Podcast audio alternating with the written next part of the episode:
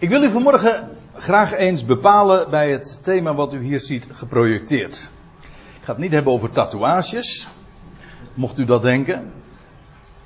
Maar ik ga het over, over de inhoud hebben van dat wat er op die tatoeage staat. Doulos ziet u hier. En dat is een Grieks woord. U ziet het ook wel aan de letters. En dat betekent slaaf. En wat is de betekenis van dat begrip? En ik zal u vertellen dat, en dat is eigenlijk ook een van de, de points van deze morgen, die ik naar voren wil brengen, dat de wijze waarop het heel dikwijls, om niet te zeggen in de meeste gevallen, ik heb het niet helemaal nageteld, maar dat het heel verzwakt en daarmee dus ook onjuist is weergegeven. Slaaf van Christus. Wat betekent dat?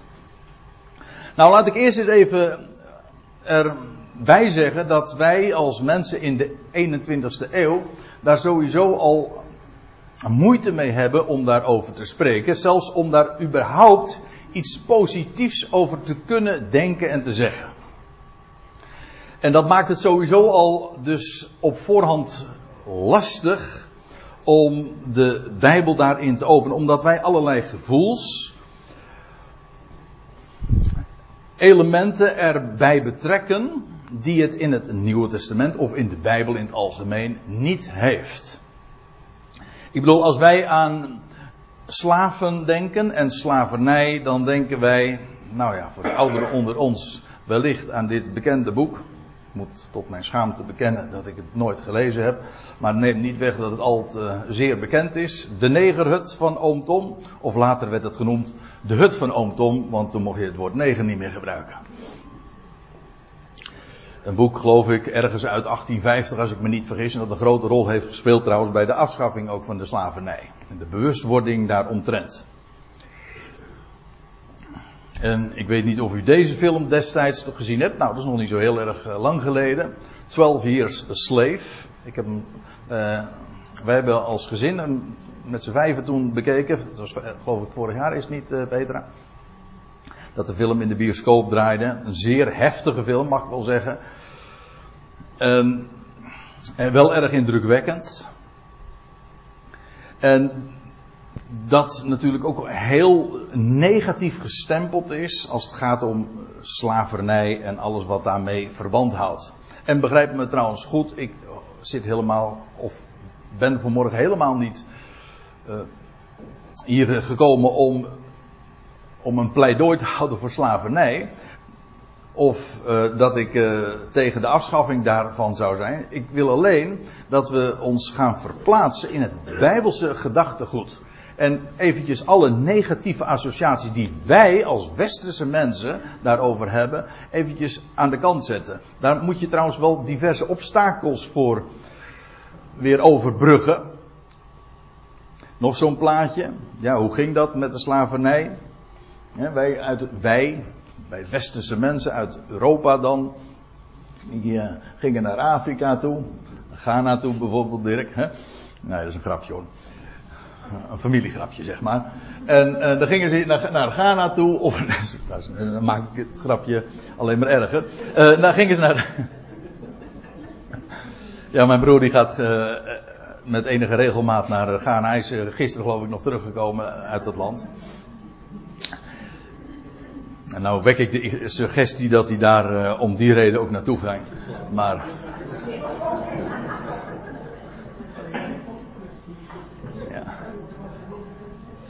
Ja, je moet straks wat gaan uitleggen, Dirk. Of ik, ja, dat kan ook nog.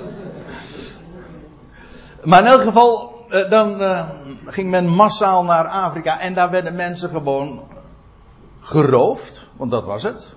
Werden hele scheepsladingen werden in het schip gedumpt en onder de meest onmenselijke omstandigheden, want ja, die mensen die hier woonden, dat waren ook geen mensen. Dat waren negen, zwarten, en uh, dat waren, nakomelingen dan van Gam. En dat, nou ja. In ieder geval, daar zat ook nog weer een. Daar, zulk fout gedachtegoed. Ook trouwens dikwijls nog theologisch onderbouwd, tussen aanhalingstekens. Ging men daar naartoe. In elk geval, uh, men nam trouwens nog veel meer mee. En uh, die slaven werden dan, nou, zoals u weet, naar, naar Zuid-Amerika, Noord-Amerika gebracht.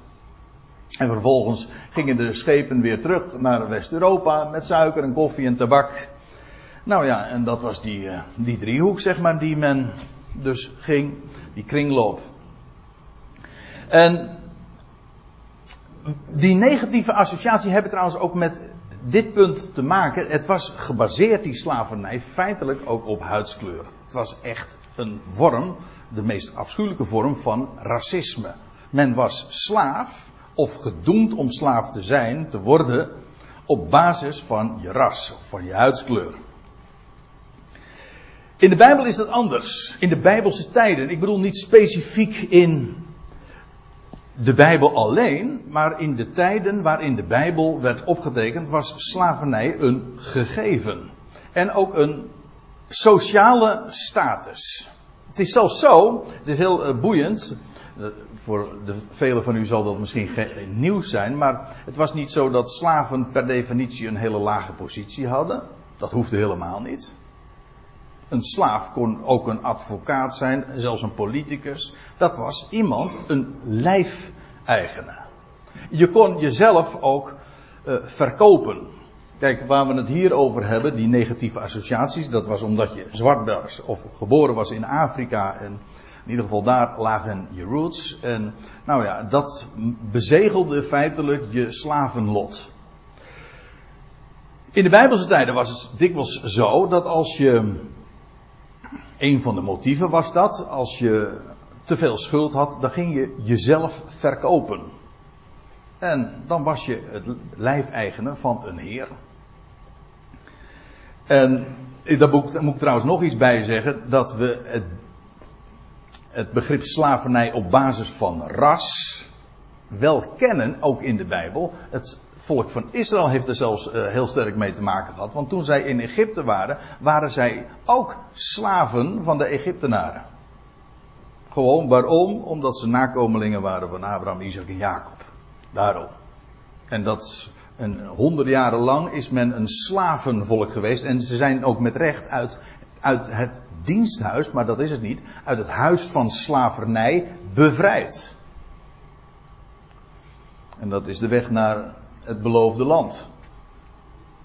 Trouwens, in de wet van Mozes waren er hele specifieke voorzieningen ook, regelingen getroffen voor de slaven. Een van die regelingen was dat slavernij nooit, per definitie, nooit langer kon duren dan 49 jaar. Want in het 50ste jaar was daar bevrijding. Ja, ik zie Aria lachen als ik het woord 50 hoor, uh, vertel. Maar u begrijpt de gedachte dat als je eenmaal, als er zeven uh, sabbatsjaren gepasseerd waren, dan brak het jubeljaar aan en dat betekende inderdaad bevrijding. Daar zit een geweldige typologie achter. Maar ik wil er ook maar mee zeggen dat er in, dat in de Bijbelse tijden, en zeker ook in de wet van Mozes, hele specifieke regelingen waren ter bescherming van slaven. Als we even al die negatieve associaties van huidskleur. Uh, de enorme mishandeling ook van slaven. Zoals we dat kennen en die ook geleid hebben tot de algehele afschaffing van de slavernij. Als we die elementen er eventjes buiten houden en gewoon het begrip slavernij, namelijk je bent een lijfeigene, een bezit van de ander. Als we het zo bekijken, uh, dan komen we echt weer op nieuwtestamentische bodem. Laat ik eerst eventjes een aantal elementen en een paar uh, gegevens zo rond, uh, rond dit begrip eens vastleggen en vaststellen. Het begrip slaaf als stamwoord, want er zijn allerlei varianten, vervoegingen van, maar het woord zelf komt 182 keer, dus dat is nogal veel, voor in het Nieuwe Testament.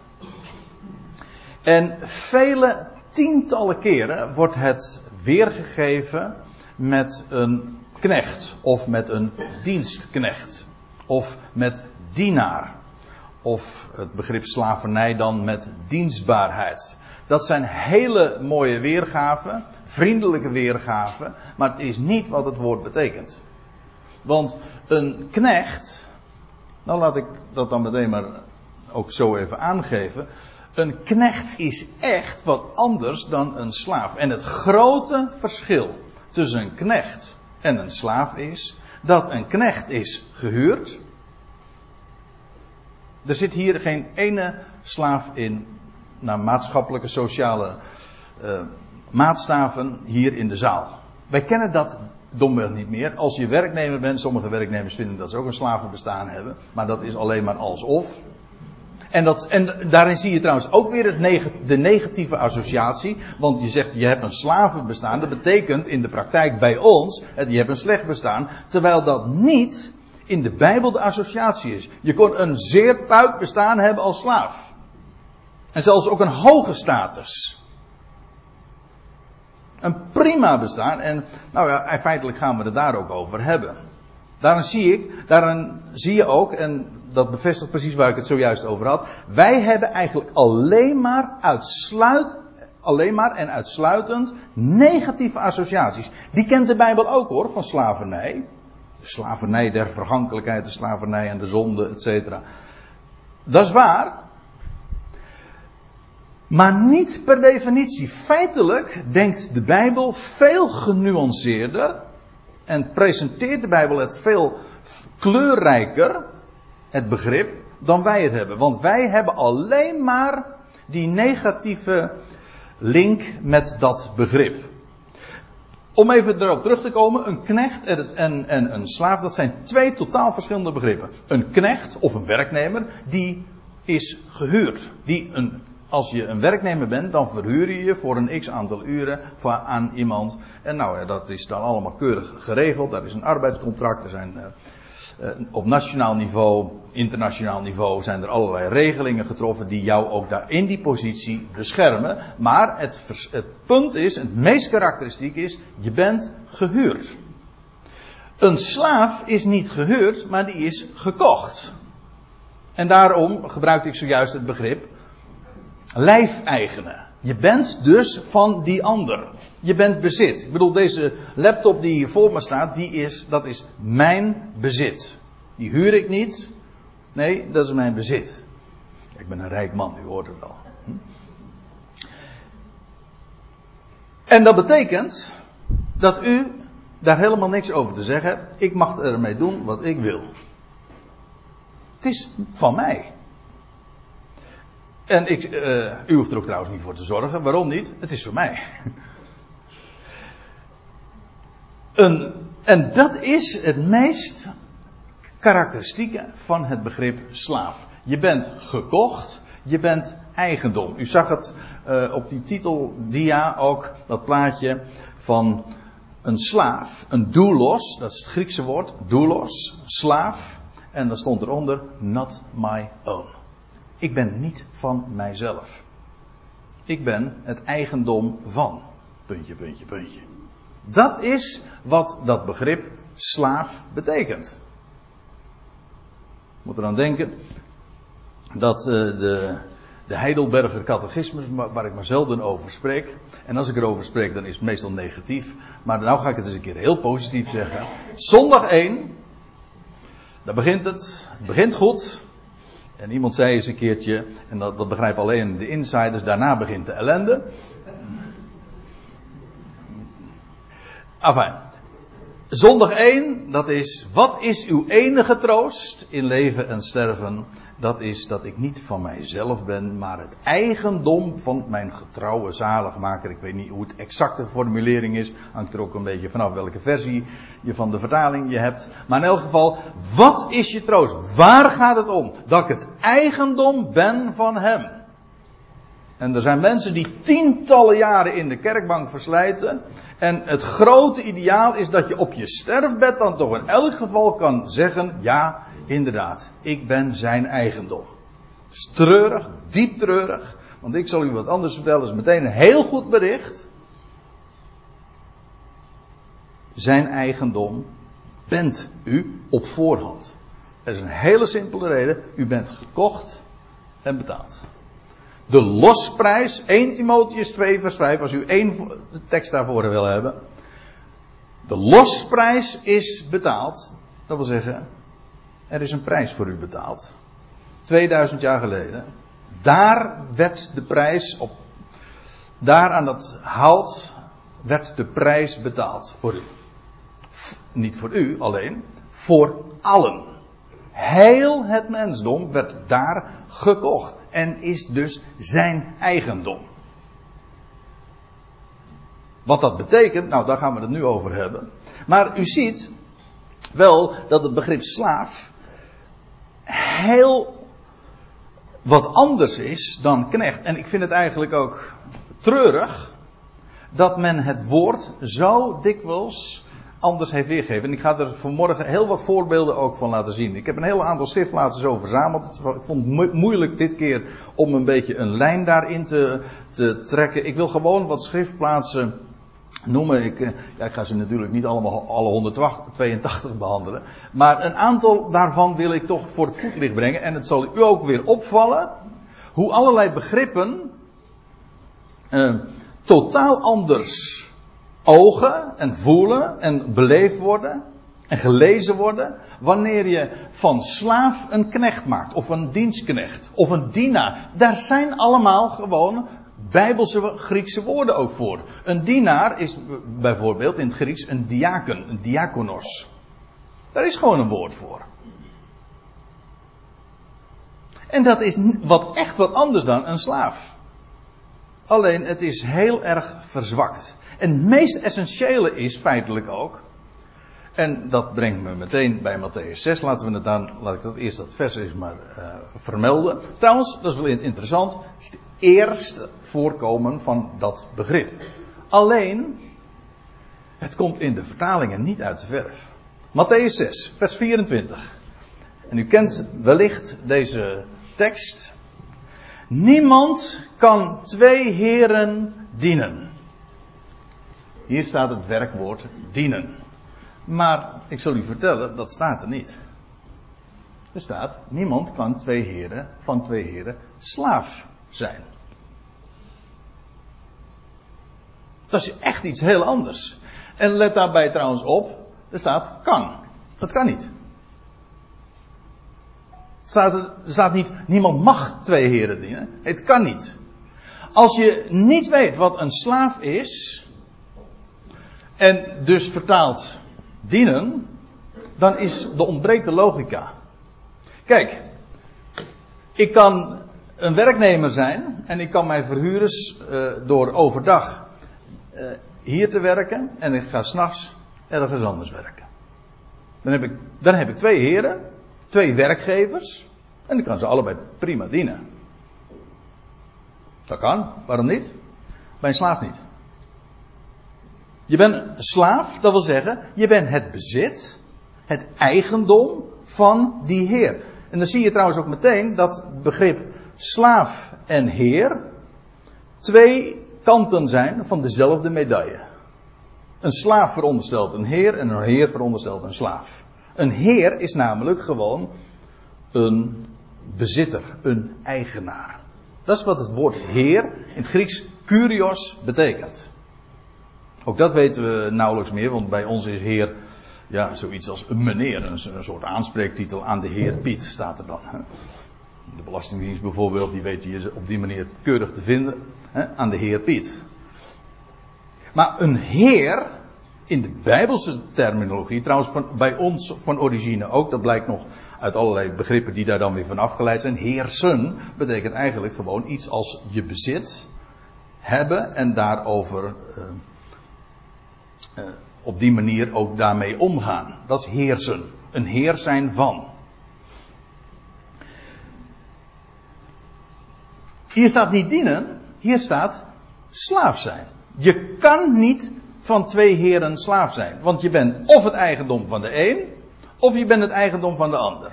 Daarom is de eerste keer meteen al in de NBG-vertaling, maar ik weet eigenlijk niet eens hoe het in de Statenvertaling is.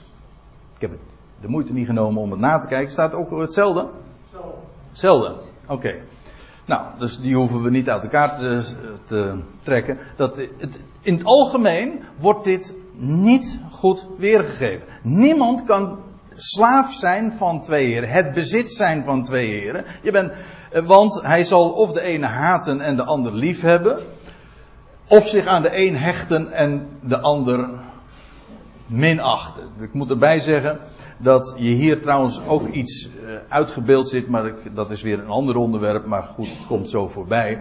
Dat haten in de Bijbel niet altijd per se de betekenis heeft van een, in, een intense, hartelijke haat, maar het heeft de betekenis inderdaad van minachten, achterstellen op. Er zijn uh, heel wat Bijbelse voorbeelden daar ook van te geven. Uh, de ene hechte en de ander minachten. Gij kunt niet God dienen en mammon. En mammon is dan de godheid, de god van het geld. En ook hier staat weer dienen. Het, dit werkwoord is eigenlijk slaaf zijn. Je kunt niet slaaf zijn, het eigendom zijn van de een en van die ander. Het is het een of het ander. Het is heel zwart-wit dus. Dat is bij werknemerschap of knechtschap niet het geval. Dat kun je combineren. Slaaf zijn, bezit is niet. Dat ben je of van de een of van de ander. Lucas 1. Ja, het wordt echt bladeren vanmorgen hoor. Lucas 1, daar wordt een geweldig bericht aan Maria doorgegeven. Door een boodschapper.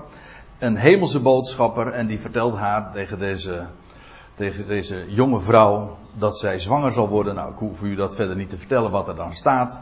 En dan komen daar vragen over, ja, hoe kan dat? Want ik ben ongetrouwd, ik ben, ik ben maagd, ik heb geen omgang met een man. En dan zegt de hemelse boodschapper, je zult zwanger worden en een zoon baren. Ja, waarom? Omdat de kracht van de Allerhoogste u zal overschaduwen. Daarom. Dat wat uit u voort zal komen, is de zoon, dat zal zoon Gods daarom genoemd worden. Nou, verbazing alom natuurlijk over zulke mededelingen. Het zijn berichten. En dan zegt Maria in vers 38. Zie de dienstmaagd des Heren mij geschieden naar uw woord. Maar u voelt hem al aankomen. Dat staat er niet. Dienstmaagd. Ah, het woordje dienst staat er niet. En het woordje maagd ook al niet. Dat was er wel, maar dat staat hier niet. Er staat een slavin. Zie de slavin van de Heer. Hier, zie je precies weer, en we zullen het nog heel wat keren vanmorgen zien. Begrip slaaf en Heer, die zijn aan elkaar gelinkt. Als wij zeggen de Heer Jezus, dan zeggen we daarmee iets over de verhouding tot Hem. Dat is maar niet een soort van aanspreektitel, zoals wij dat dan gebruiken, meneer of. Nee, het wil zeggen, Hij is eigenaar.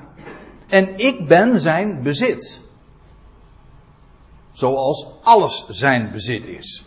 Romeinen 10 zegt, hij is heer van allen. Rijk voor alle die hem aanroepen, staat er dan, wordt eraan toegevoegd. Heer van allen. En 1 Korinthe 10 zegt Paulus, de aarde is des Heren en haar volheid. Dat wil zeggen, alles op aarde en bovendien alles wat erin zit, dat is allemaal van hem. Rechtmatig, om meerdere redenen. Hij is de schepper. Alleen al om die reden. Hij is God. Bovendien, het is gekocht. Er zit nog wat meer aan vast dan ik nu zeg. Maar het idee is, deze metafoor is op zich zo helder als glas. Je bent zijn bezit. En deze Maria, deze jonge vrouw, die zegt, ik ben de slavin van hem. En wat betekent dat? Ik ben van hem. En omdat ik van hem ben, doet hij met mij wat hij zegt. Ziet u de logica nu ineens? Zie, de slavin van de Heer. Mij geschieden naar uw woord. U bent mijn Heer. Ik ben niet verantwoordelijk voor mezelf. Kijk, dat is het mooie van een slaven hè, zijn. Laten we het nou eens een keertje zo aanpakken. Ja, als slaaf heb je allerlei verantwoordelijkheden die, die zwaar op onze schouders rusten. Allerlei keuzes die je moet maken. U kent het woord keuzestress toch al? Die had de slaaf niet, hè? Had ook geen zorg voor zijn onderhoud. Nee, dat helemaal niet. Of uh, had ook geen. Uh, allerlei zorgen die een vrij mens heeft. En daardoor belast wordt en dus niet vrij is. Die heeft een slaaf niet. Want er wordt voor hem gezorgd. Is het eigendom van. Not my own. Ik ben van hem. Deze Maria die zegt, ik ben van hem. En er wordt nu een mededeling gedaan van hem. En mij, ja, wat kon zij doen? er viel niks te doen, want het zou haar overkomen. De kracht des aller, van de Allerhoogste zal u overschaduwen. Ja, wat moet je daarvoor doen? Daar hoef je helemaal niks voor te doen. Dat zou aan, aan haar gebeuren. Zij is daarin leidend voorwerp en ze zegt: Mij geschieden naar uw woord. Als u het zegt, nou, dan gebeurt het gewoon. Ik ben van hem. Dat is toch prachtig? Hij, als ik zeg, hij is mijn Heer, dat betekent ik ben van hem en hij draagt zorg voor mij. En als hij iets over mij uitspreekt, dan gebeurt dat. Is dat mijn zorg? Nee, helemaal niet. Dat is zijn zorg. En dus worden we daarmee ontzorgd.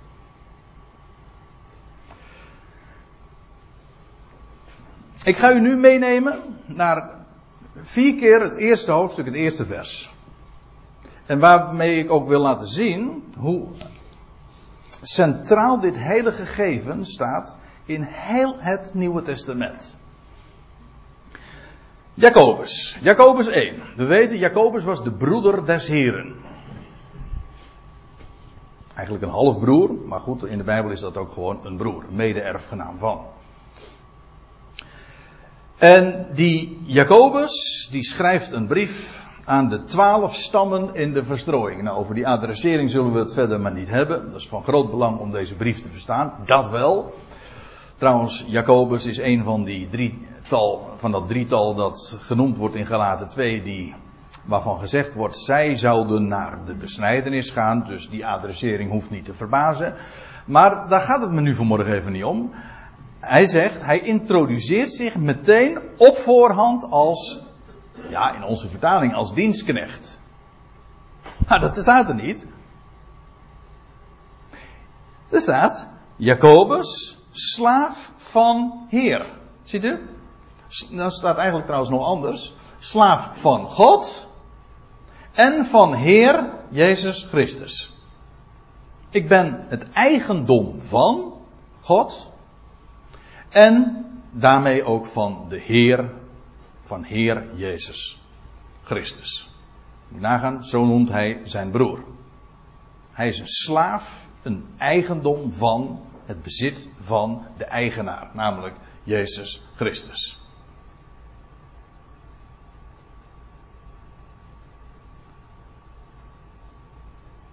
En dat is dus maar niet zomaar een dienstknecht. Nee, hij is een bezit, het, het eigendom van.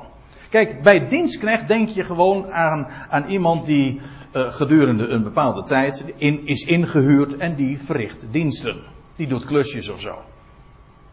Maar dat is niet wat een slaaf is. Dat is maar niet een klusjesman. Hij is gewoon bezit. Dat is, dat is de fundamentele gedachte bij dat woord slaaf. En dat, is, dat tekent ook onze verhouding tot hem. In de evangelische kring is het nogal gewoon om te zeggen van ja, wat betekent het om een gelovige te zijn? Dan zegt men dat je een, dat klopt op zich wel, uh, maar dan zegt men dat betekent dat je een persoonlijke verhouding of een persoonlijke relatie hebt met Jezus Christus. En dat klopt, Alleen de gedachte die daarbij zou kunnen ontstaan is dat je, nou ja, ja, je hebt een persoonlijke verhouding met iemand. Ja, ik heb een persoonlijke verhouding met zoveel mensen. Ik praat er wel eens een keertje mee, ik ken ze. Hm? Ik heb er zo af en toe wel eens een keertje een, een, een, een gedachtenwisseling mee. Of je, spreekt met zulke mensen. Of je hebt er waardering voor. Dan heb je een persoonlijke relatie. Maar een persoonlijke relatie met Jezus Christus, eh, dat is niet wat het is. Je moet zeggen, als een, onze persoonlijke verhouding tot Hem wordt gekenmerkt door het feit dat Hij mijn Heer is. Hij is Heer. Zo noem je hem. Een heleboel mensen die praten altijd maar over Jezus. In, dat kan in een specifieke context, kan dat. Maar dan doelt het meestal, in de evangelie vind je meestal die aanduiding, omdat hij hier op aarde nog Jezus was. Niet meer, maar hij is door God gemaakt tot Heer en tot Christus. Dat is een titel. Hij is Heer. Nadat hij de prijs heeft betaald, is hij juist uit hoofde daarvan ook Heer en eigenaar. En een gelovige, dat is die van allen, maar het gelovige is, is iemand die dat erkent. Hij is Heer. Hij is mijn Heer. Dat is mijn verhouding, mijn persoonlijke verhouding. Dat is niet omdat ik zo af en toe eens met hem praat of een liedje voor hem zing. Dat, dat is niet wat, een, wat hij Heer maakt. Nee, ik ben van hem. En niet uh, eh, 40 uur in de week. Dat wij noemen dat dan fulltime. Dat is, dat is helemaal niet fulltime. Weet je wat fulltime is? Dat is, zoals de Engelsen zeggen, 24-7. 24 uur per etmaal en 7 dagen in de week en 365 dagen in een jaar. That's it. Dat is wat, wat een slaaf is. Een eigendom. Gewoon altijd. Ik ben van hem. Ik, ik heb niks in te brengen. Hoort u goed wat ik zeg? Mijn belangen zijn volstrekt oninteressant. Je bent het eigendom van en hij bepaalt de gang van zaken. Mijn interesses, mijn ambities. Hoeveel mensen zijn geen slaaf? Ik zeg het expres zo. Van hun ambities. Zo'n probleem heeft een slaaf dus nooit, hè? Je bent bezit van hem. En hij regelt de dingen voor jou. En ik, het, het geweldige is nu juist. Wij hebben een Heer zo geweldig. Daar zijn wij blij in. We zullen er trouwens mee, mee afsluiten. Wij zijn zo blij met zo'n Heer. Die ons gekocht heeft. Met wat voor prijs. Daarmee geeft hij ook precies aan hoeveel we voor hem waard zijn. Hij gaf zijn leven voor mij. Zo'n Heer hebben wij. Hij gaf zichzelf voor mij. Hij leed en stierf op die afschuwelijke manier voor mij. En hij, die persoon die dat voor mij deed, ik zeg het even heel persoonlijk, dat is mijn Heer. En gaat het om mij? Nee, het gaat totaal niet om mij. Nou, uh, Jacobus, een slaaf. Niet een dienstknecht. Kras het gewoon door in de Bijbel. Slaaf, dat is het. Uh, Simeon, want het is allemaal hetzelfde liedje hoor. In die zin is het uh, vanmorgen wel heel simpel vanmorgen. ja, Wordt, wordt mij wel eens verweten dat ik wat ingewikkeld en complex doe. Nou, vanmorgen is het niet ingewikkeld. Vind ik. ja, uiteindelijk is dat oordeel aan u natuurlijk. Petrus, die zegt, Simeon Petrus, een dienstknecht en apostel van Jezus Christus. -mm, staat er niet. Een slaaf. Ik ben het bezit, het eigendom van hem. We bladeren even door. We gaan naar Judas. Judas was trouwens de broer van Jacobus. Nou, daar staat hij trouwens. De broer van Jacobus. Dus ook de broer van Jezus. Judas, een slaaf van Jezus Christus. Niet een dienstknecht. Ziet u dat ze allemaal zo meteen pontificaal de, hun brief beginnen met deze aanduiding. Dat is wat hen karakteriseerde. Dat wat ze te melden hadden, en bijvoorbeeld als, hij, als uh, Peter zegt ik ben een, een, slaaf, ja, en ook een apostel afgevaardigd, maar het begint met ik ben van hem. En mijn belangen zijn totaal ondergeschikt, met recht ondergeschikt. En doen niet ter zake. Hij is Heer. Dan gaan we naar de Romeinenbrief. Wat zegt Paulus? Hoofdstuk 1, vers 1, Paulus, en dat is het eerste woord. Zijn naam en vervolgens slaaf. Niet een dienstknecht, een, hij is slaaf. Slaaf van Christus Jezus. De oplettende lezer die heeft wel in de gaten trouwens dat dat verschilt met die andere aanduidingen, die andere aanheffen, hoe zeg je dat? Aanheffingen. Weet ik even niet. Daar moet ik nog eens even over na, uh, nadenken. Maar in elk geval, uh, die andere wijze waarop Jacobus en Petrus en Judas begonnen, uh, van Jezus Christus. Die Heer is. Maar hier is het van Christus Jezus. Dat heeft alles te maken met het feit dat Paulus hem op een heel andere manier had leren kennen. Hij kende hem niet vanaf zijn aardse loopbaan als Jezus, die later Christus werd. Nee, bij Paulus was het precies omgekeerd. Hij leerde hem juist kennen als de Christus. Als degene die daar verhoogd is. De eigenaar van alles. En toen vroeg wie bent u Heer? En dan, zegt en dan is het antwoord, ik ben Jezus. Maar het begon met het hem leren kennen als de Christus, als de Heer. En vervolgens, wie is dat dan? Dat is hij die hier op aarde Jezus was. Die volgorde. Christus Jezus. Ja. Dus, uh, waarvan akte, maar ook dat is nu niet het punt. Het gaat erom, hij is slaaf. Hij is slaaf van Christus Jezus. Van, van hem die hem uit, vanuit de hemel riep. Ja, dat, dat is dan, dan vervolgens eh, wat er staat. Geroepen. Afgevaardigd. Ja, het kan zijn dat het betekent een geroepen apostel. Of een geroepen afgevaardigde. Maar het kan ook betekenen, ik ben geroepen. Saulus, dat was het. Hij werd geroepen en vervolgens werd hij afgevaardigd. Een apostel. Dus geroepene, afgevaardigd en dan afgezonderd, apart gezet,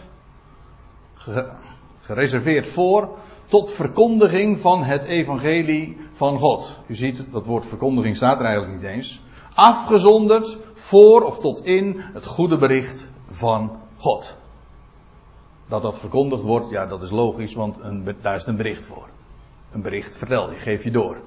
Maar dat staat er eigenlijk niet. Er staat gewoon, ik ben afgezonderd. Hij was een slaaf. En wat, waartoe was hij gereserveerd? En dat was ook precies wat Paulus wist. En, en waar, waar hij eigenlijk ook mee begint. Iedere keer, want ik citeer nu de Romeinenbrief, maar je zult de andere brieven ook vinden.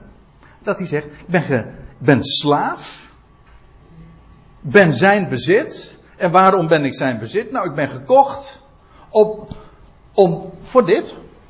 Om het goede, voor het goede bericht van God. En waar het, het enige wat er dus toe deed in zijn leven was daarvoor beschikbaar te zijn, want dat is wat een slaaf geacht wordt te doen. Hij hoeft helemaal niks te doen. Nou ja, uh, nee. Ja, ik ben slaaf. Beschikbaar te zijn. Het gaat er niet om dat een slaaf altijd maar zo hard moest werken. Want dat denken wij, hè? een slavenbestaan, dat is altijd maar dat je uh, een, zo hard moet werken. Maar een slaaf, dat is een, het bezit van. En als jouw Heer jou gekocht heeft voor die functie, voor deze doelstelling, namelijk om het goede bericht, dat betekent dat het maar om één ding in zijn leven ging. Namelijk het goede bericht van God. Meer niet. Simpel hè? Nou, en, en geweldig hè? Voor een goed bericht. Daar was hij helemaal speciaal voor gereserveerd. En de rest deed totaal niet ter zake. Hij hoefde helemaal niet voor zijn eigen leven te zorgen. Want dat was ook nog zo mooi. Er wordt voor je gezorgd. Hij doet gewoon wat hem te doen staat. Beschikbaar te zijn. Te luisteren naar. Gehoor. Want dat is wat gehoorzamen eigenlijk ook betekent. Gehoorzamen betekent gehoor geven aan. Je Heer zegt je wat. En hij, zijn Heer heeft hem heel veel verteld. Nou, dat mag hij doorgeven. Alsjeblieft, ga het maar doorgeven. Onder de natie. En dat is het enige wat hij gedaan heeft. Een goed bericht van God. En daar was hij voor gereserveerd. En dan was hij slaaf. En al het andere deed niet ter zake. En al het andere, dat, ja, nou citeer ik weer een ander woord, ook uit Matthäus 6 waar we mee begonnen. Dat is, en al het andere ontvangt u bovendien. 1 Thessalonica 1. Dan lees je over de Thessalonikers, Thessalonicensen zo u wilt, dat zij, ja, ze waren omgekeerd. En dat had uh, in de omgevingen e-, enorme, was dat enorm spraakmakend. Dus wat, eh, wat gebeurde daar in de streken van, van Macedonië, zeg ik het goed? Ja, van Macedonië en Thessalonica. Dat ze, dat alle mensen spraken eh, over hun grote ommekeer. Dat deden zij zelf niet, nee, er werd over gesproken. Kijk, dat is mooi, hè? Want zelf, u moet maar eventjes in de context nalezen, zelf, dat wil zeggen de mensen daar in hun omgeving, verhalen zij van ons hoe wij bij u ontvangen zijn hoe wij, van welke aard onze entree was bij jullie. En hoe gij u van de afgoden tot God bekeerd hebt. En weet je wat ik nou zo mooi vond? Het was me nooit eerder opgevallen. Wat staat er andersom? Er staat niet dit. Uh, dat jullie, uh, van de af, dat jullie je omkeren van de afgoden naar God toe. Nee, het begint dat jullie je omkeren. Staat, kijk maar gewoon mee. Dat jullie je omkeren, onbepaald, aorist, gewoon als een feit. Onbepaalde tijd. Naar de God toe, let op dat bepaalde lidwoord, maar niet zomaar een God. Kijk, dit zijn zomaar goden. Nee, de God. De enige echte dus. Oftewel, de levende en de waarachtige. Die anderen zijn dus dood en bovendien leugenachtig. Een prachtige tegenstelling. Maar het gaat er niet om dat zij zich van de afgoden bekeerd hadden tot God. Nee, het was andersom. Ze hadden zich bekeerd om. Dat is, we moeten gewoon letterlijk nemen, hè, dit. Omkeren. Ze hadden zich omgekeerd. Waarom? Nou, naar de God toe. En dus van de afgoden af. Het is niet negatief van we hebben, hebben ons al afgekeerd van de afgoden en nu naar de God. Nee, ze hadden zich omgekeerd naar de levende en de waarachtige God. Dat was het. En daarmee dus je afkeer, want als je je keert naar, dan keer je ook af van. Maar het is positief en dat is wat hier ook staat. In het Nederlands is het wat lastiger formuleren. Maar zo staat het in het Grieks en daar wijs ik u alleen op. We keren, en dat is wat er met die Thessalonikers gebeurt. Ze waren eerst actief, zoals ze daar in Griekenland helemaal, allemaal heel erg actief waren met het dienen van demonen, van afgoden, idols. Hè. Ons woordje idolen, dat komt eigenlijk uit het Grieks. Idols. Afgoden. En vervolgens naar de God toe. En dat is het enige waar het om gaat. En daar staat er ook inderdaad bij om de levende en waarachtige God te dienen. Nou, ik zou haar zeggen, vul het plaatje nu zelf verder in. Daar staat geen dienen. Er staat slaaf te zijn. Om slaaf te zijn van. Gewoon het eigendom te zijn van. Dat is wat het is. En dat dat dienst betekent, dat, dat, dat ontken ik allemaal niet. Ik wil alleen maar zeggen, het woordje dienst is eigenlijk een, een reductie op de betekenis. De essentie is, je bent het eigendom van. En het enige wat telt is totale beschikbaarheid. Je bent van Hem. En dat is geweldig. Want Hij is namelijk de levende en de waarachtige en bovendien de God. En om slaaf daarvan te zijn. Om, daar, om zijn eigendom te zijn. Want dat is het geweldigste wat er is. Als je van Hem mag zijn. Niet parttime, ook niet fulltime, maar altijd. Want dat is een heel groot verschil.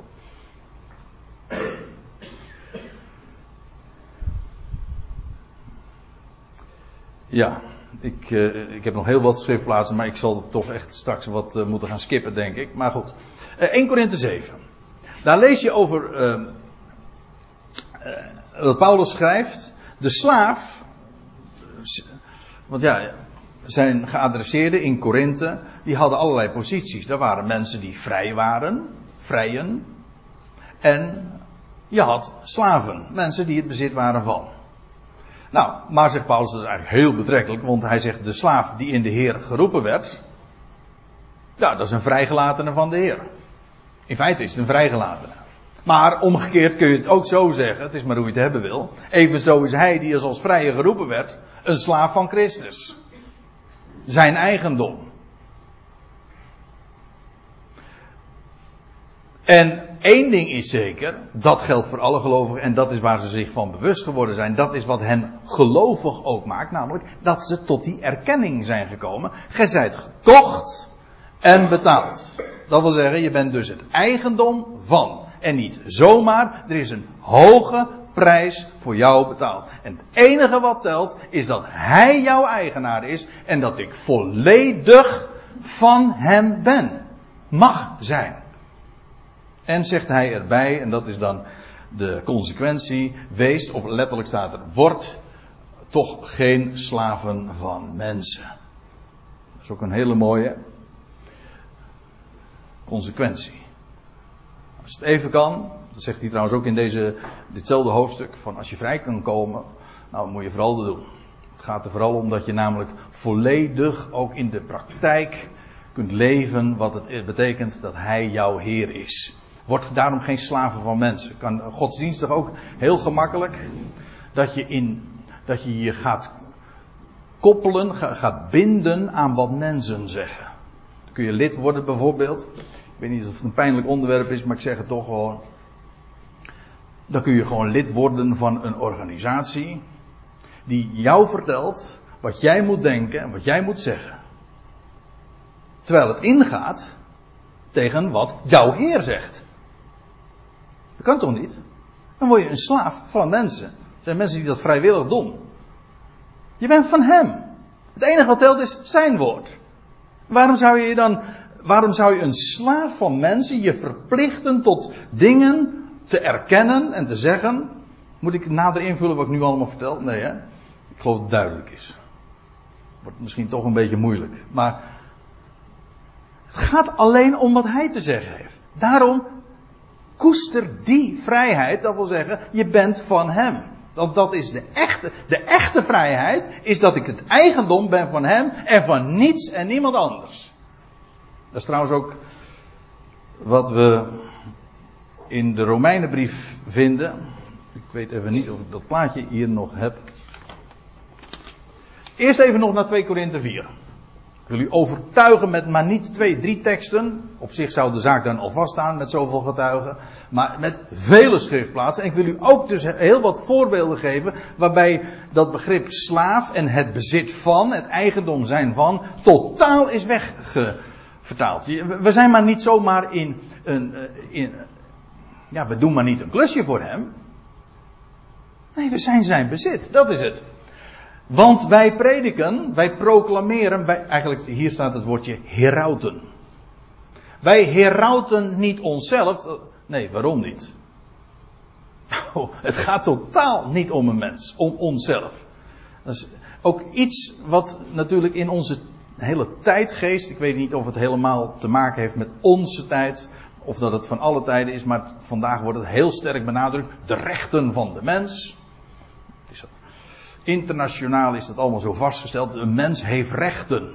En het gaat om jezelf te ontplooien en dergelijke. Maar dat is allemaal dus volledig oninteressant voor iemand die zegt: Ik ben het eigendom van hem. Hoezo rechten? Ik ben van hem. Zelfontplooiing. Dat is toch absurd voor iemand die zegt: Ik ben, ik ben van hem. Het enige wat telt is: Ik ben van hem. En dat hij zijn werk in mij en door mij kan doen.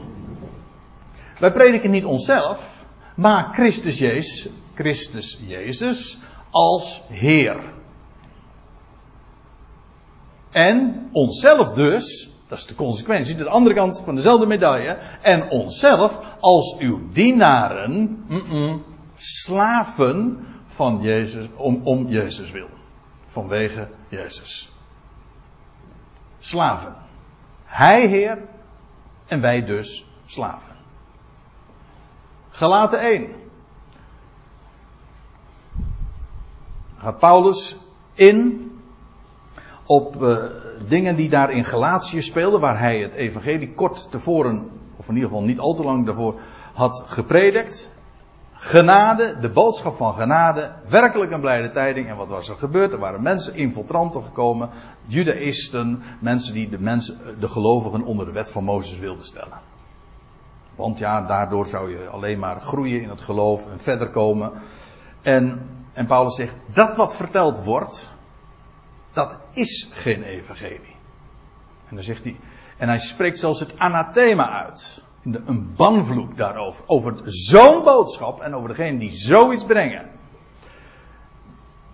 En daar maakte hij zich onder hen, onder die Galatiërs natuurlijk, of die gelaten, niet populair mee. En, maar dan zegt hij in vers 10, en dan excuseert hij zich. Tracht ik thans mensen te winnen? Of de God? Hij zegt, of zoek ik mensen te behagen? Nou, daar reageert hij heel simpel op.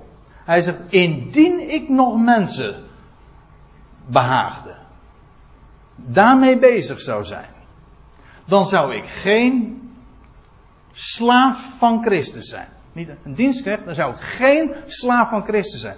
Een slaaf heeft maar één ding te doen en dat is dat doorgeven wat zijn heer zegt. Hij was afgezonden tot het goede bericht. Dat is wat hij vertelde. En nu werd daar iets verteld wat daar haaks op stond. En dat zegt hij dan ook gewoon. Om populair te worden, nee, dat werd hij niet. Maar hij zegt, daar maak ik me ook totaal geen zorgen over. Hij was er ook niet van afhankelijk, want hij. Ik wijs naar boven. zeg ik even voor degene die naar de MP3 luisteren. Hij, Jezus Christus, is zijn Heer. Het enige wat hem te doen stond, is door te geven en te luisteren wat hij te melden heeft. En hoezo andere mensen trachten te behagen. Dat is ook slavernij hoor. Je hebt vele mensen die daar altijd maar mee bezig zijn. Om andere mensen te pleasen. En dan zeggen ze dat, dat ze vrij zijn, maar dat ben je helemaal niet. Paulus was vrij. Ben vrij van, van dat soort mensen behagen. Om mensen te pleasen. Om, om maar in een, in een goed blaadje te komen bij mijn gehoor. Of bij het publiek. Want ja, ze moeten wel een, een like, een, een duimpje opsteken voor me. Of de kijkcijfers. Als je zo redeneert, weet je niet wat het betekent om het bezit te zijn, slaaf, het eigendom van Christus. Dat weet je niet. Dat is jouw zaak namelijk helemaal niet. Je hebt maar één ding te doen, te luisteren. Wat zegt de Heer? En hij vertelt een goed bericht. Hij heeft mij afgezonden om dat te vertellen. Nou, dan is dat het enige wat telt. Punt. Of zo u wilt, een uitroepteken.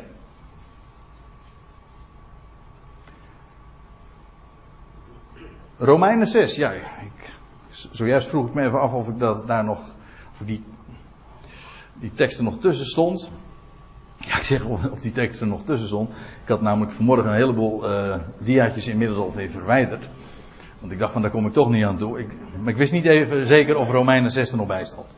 Uh, Romeinen 6. Maar thans, zegt Paulus, vrijgemaakt van de zonde, dolmissen. En in dienst van God gekomen.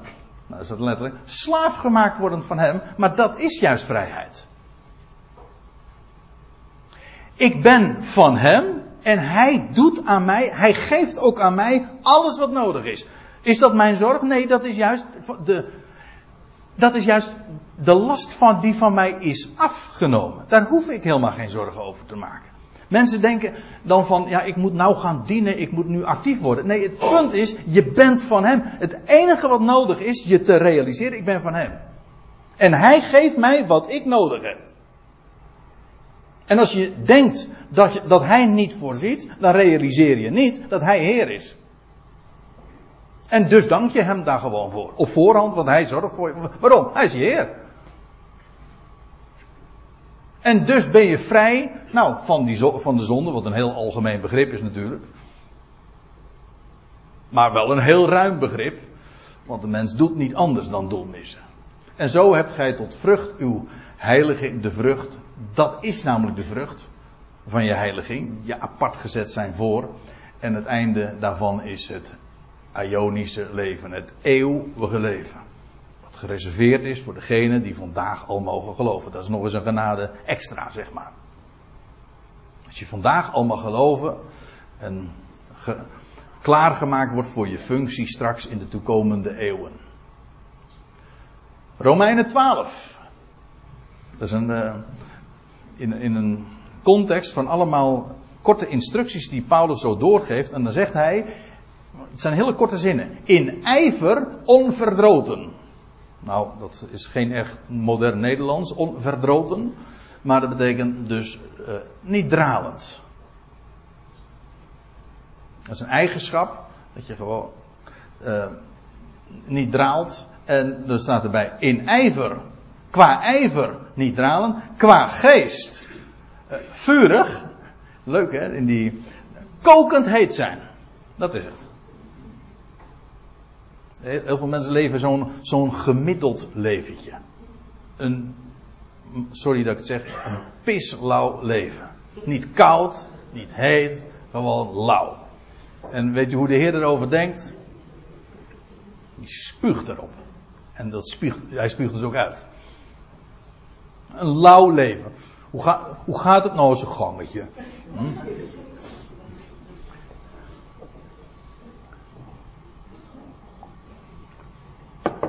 Paulus was iemand. Kijk, dat is een, het begrip slaaf zijn, het eigendom zijn van, is heel radicaal. In dienst zijn, dat is, dat is weer zo typisch uh, ja, westers, uh, zo zogenaamd genuanceerd, zo tolerant. Nee, dit is een radicale boodschap. Ik ben totaal 100% van mij, van hem, sorry. Excuses. Ik ben 100% van hem. Mijn belangen, mijn ideeën zijn volledig ondergeschikt. Gaat om hem alleen. En dat is radicaal. Dat is vurig of dat, dat is kokend heet. En dat is waar de Heer van houdt. Niet dat slappe, dat halfslachtige. Nee. En staat er dan bij, dient de Heer. Maar er staat letterlijk ook hier weer, dus een slaaf zijnde voor hem. Zijn eigendom. Maar u voelt wel aan dat al deze begrippen aan elkaar gekoppeld zijn. Het een vloeit voort. Als ik, als ik zijn bezit ben, dan gaat het dus niet aan om maar halfslachtig te leven. Nee, want ik ben zijn, zijn bezit. Ik ben niet half zijn bezit. Ik ben niet gehuurd. Ik doe niet een klusje voor hem. Nee, ik ben van hem. Romeinen 14. Want het koninkrijk Gods, zegt Paulus, bestaat niet in eten en drinken. Daar waren discussies over wat een gelovige nou wel of niet zou eten of drinken. Nou, daar was Paulus heel makkelijk in. Of over vasten. Moet ik het daarover hebben? De, voor sommige mensen eh, speelt dat nu heel erg. De 40 dagen vaste tijd is afgelopen woensdag begonnen, geloof ik. Hè? En dan is het belangrijk, want ja, de lijdenstijd is nu uh, begonnen. Zo heet dat dan allemaal. Dat zijn allemaal kerkelijke instellingen, moet ik erbij zeggen. De Heer heeft daar nooit over gesproken. Maar goed, dat, we zeggen dan, dat zijn toch wel goede instellingen van de kerk geweest dat ze dat hebben bedacht. Nou ja. Het koninkrijk Gods is niet eten en drinken. Als je denkt, als je daarop gefocust bent, begrijp me goed, ik heb het helemaal niet dus over de, het nut van je onthouden van of te vasten. Vast niet. Nee, maar daar gaat het niet om. Maar in rechtvaardigheid, gerechtigheid, vrede, vreugde. Door, of letterlijk staat er, in heilige geest. Want wie door deze geest, nou ja, er staat eigenlijk gewoon, wie in, in dit of wie daarin een slaaf is van Christus. Ja, wat, hoe ben je slaaf van Christus? Nou, daarin, en wat betekent dat? Dat je rechts doet aan je positie als slaaf. En dat betekent dus, ik ben van Hem en ik ben beschikbaar. Je stelt, Romeinen 12 vers 1. Met een beroep op de barmhartigheden Gods roep ik u dan op, maar moedig ik u aan, stelt uw leden, uw lichaam als een, stelt uw lichaam als een gode welgevallig offer. Dat wil zeggen, hier is het, beschikbaar stellen. Dat is recht doen aan je positie. Dat is dus wat ik bedoelde met rechtvaardigheid, vrede en blijdschap. Ja, wat, dat zijn de drie componenten, zeg maar, van het slaaf zijn van Christus. Of drie aspecten daarvan, dat is beter gezegd. Slaaf, je doet recht aan je positie. De vrede, want dat is namelijk de, het directe gevolg ervan. Hij zorgt namelijk voor me. Hij geeft wat ik nodig heb. En dat is dan ook nog eens vreugde. Hij voorziet. De toekomst is gegarandeerd. Hij is Heer. Van allen. Dat is, dat trouwens het goede bericht bij uitzet. Hij is Heer van allen. Jij bent zijn eigendom. Al die miljarden mensen, slechts een enkeling weet het. En degenen die het wel erkennen, die denken dat ze een dienstknecht zijn. Ja. Nee, je bent zijn eigendom. En dat betekent dus, hij zorgt, hij voorziet, hij geeft de garandeerde toekomst. En ik ben van hem. Ik mag zijn van hem. En ik mag daar recht aan doen. Nou, en die is wel gevallig, staat er nog bij, bij God. Dat, dat is, als je dat beseft, die waarheid onder ogen ziet, beseft, dat is wel gevallig bij God, staat er, en in achting, of eigenlijk staat er wel beproefd bij de mensen. Iedereen heeft, heeft wel in de gaten, ook al moeten ze niks hebben van dat wat je doorgeeft. Of uh, verwijzen ze dat af, of hoe ze daar ook op reageren. Maar één ding kunnen ze niet ontkennen: dat deze eigenschappen, van dat je recht doet, dat je vrede hebt, dat je vreugde hebt, dat dat geweldig is. Dan, dat, dan, dan daarmee bewijs je de kwaliteit en elk geval van je leven. Dat is in, uh, wel beproefd bij de mensen. En nou ga ik dit vers even overslaan en tenslotte kom ik dan bij Filippenzen 4, want dat moet ik echt nu afronden. Maar daar komt dat begrip trouwens niet eens voor van slaaf zijn, maar ik wil het graag genoemd hebben ook als slot. U kent het gedeelte. Daar begint Paulus, nou ja, in vers 4 dan, wat ik hier nu hier projecteer. Verblijd je in de Heer. Je bent zijn slaaf.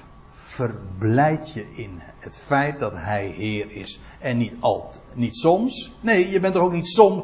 Hij is toch niet soms jouw Heer? Je bent toch niet soms.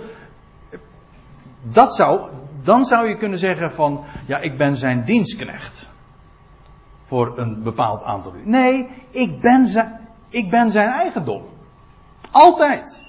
En dus kan ik me altijd in het feit verblijden dat hij alles van mij afneemt, mijn zorgen afneemt. Ik mag er zijn voor hem en ik ben gereserveerd voor het goede bericht. Ja, want die schriftplaats heb ik nu uh, verwijderd, want dat wat Paulus van zichzelf zegt, dat zegt hij dan ook nog eens een keertje van de gelovigen in het algemeen. Om dat goed bericht door te geven. Om dat te vertellen. Jij in jouw klein hoekje, hè, zoals wij dat dan zeggen. En ik in het mijne. Wederom zal ik zeggen, om het maar even te benadrukken, dat je het niet mis zou verstaan, verblijd je. Uw vriendelijkheid, of eigenlijk staat er uw welwillendheid, uw inschikkelijkheid. Want je hoeft helemaal niet op je eigen rechten te staan.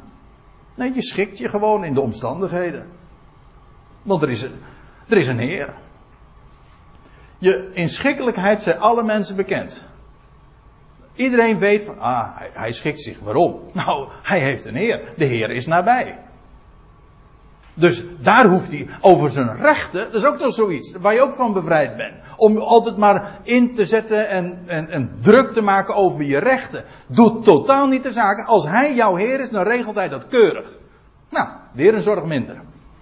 En dan zegt hij erbij, wees in geen ding bezorgd. Er staat nog wat achter, vandaar dat puntje, puntje, puntje. Maar dat is precies waar het vanmorgen over ging. Hij is jouw Heer. En ziet u dat je daarmee een enorme last minder hebt. Je hebt helemaal geen zorgen. Wees in geen ding bezorgd. Hij is Heer. En Hij voorziet in alles. Waarom? I'm not my own. Ik ben van Hem.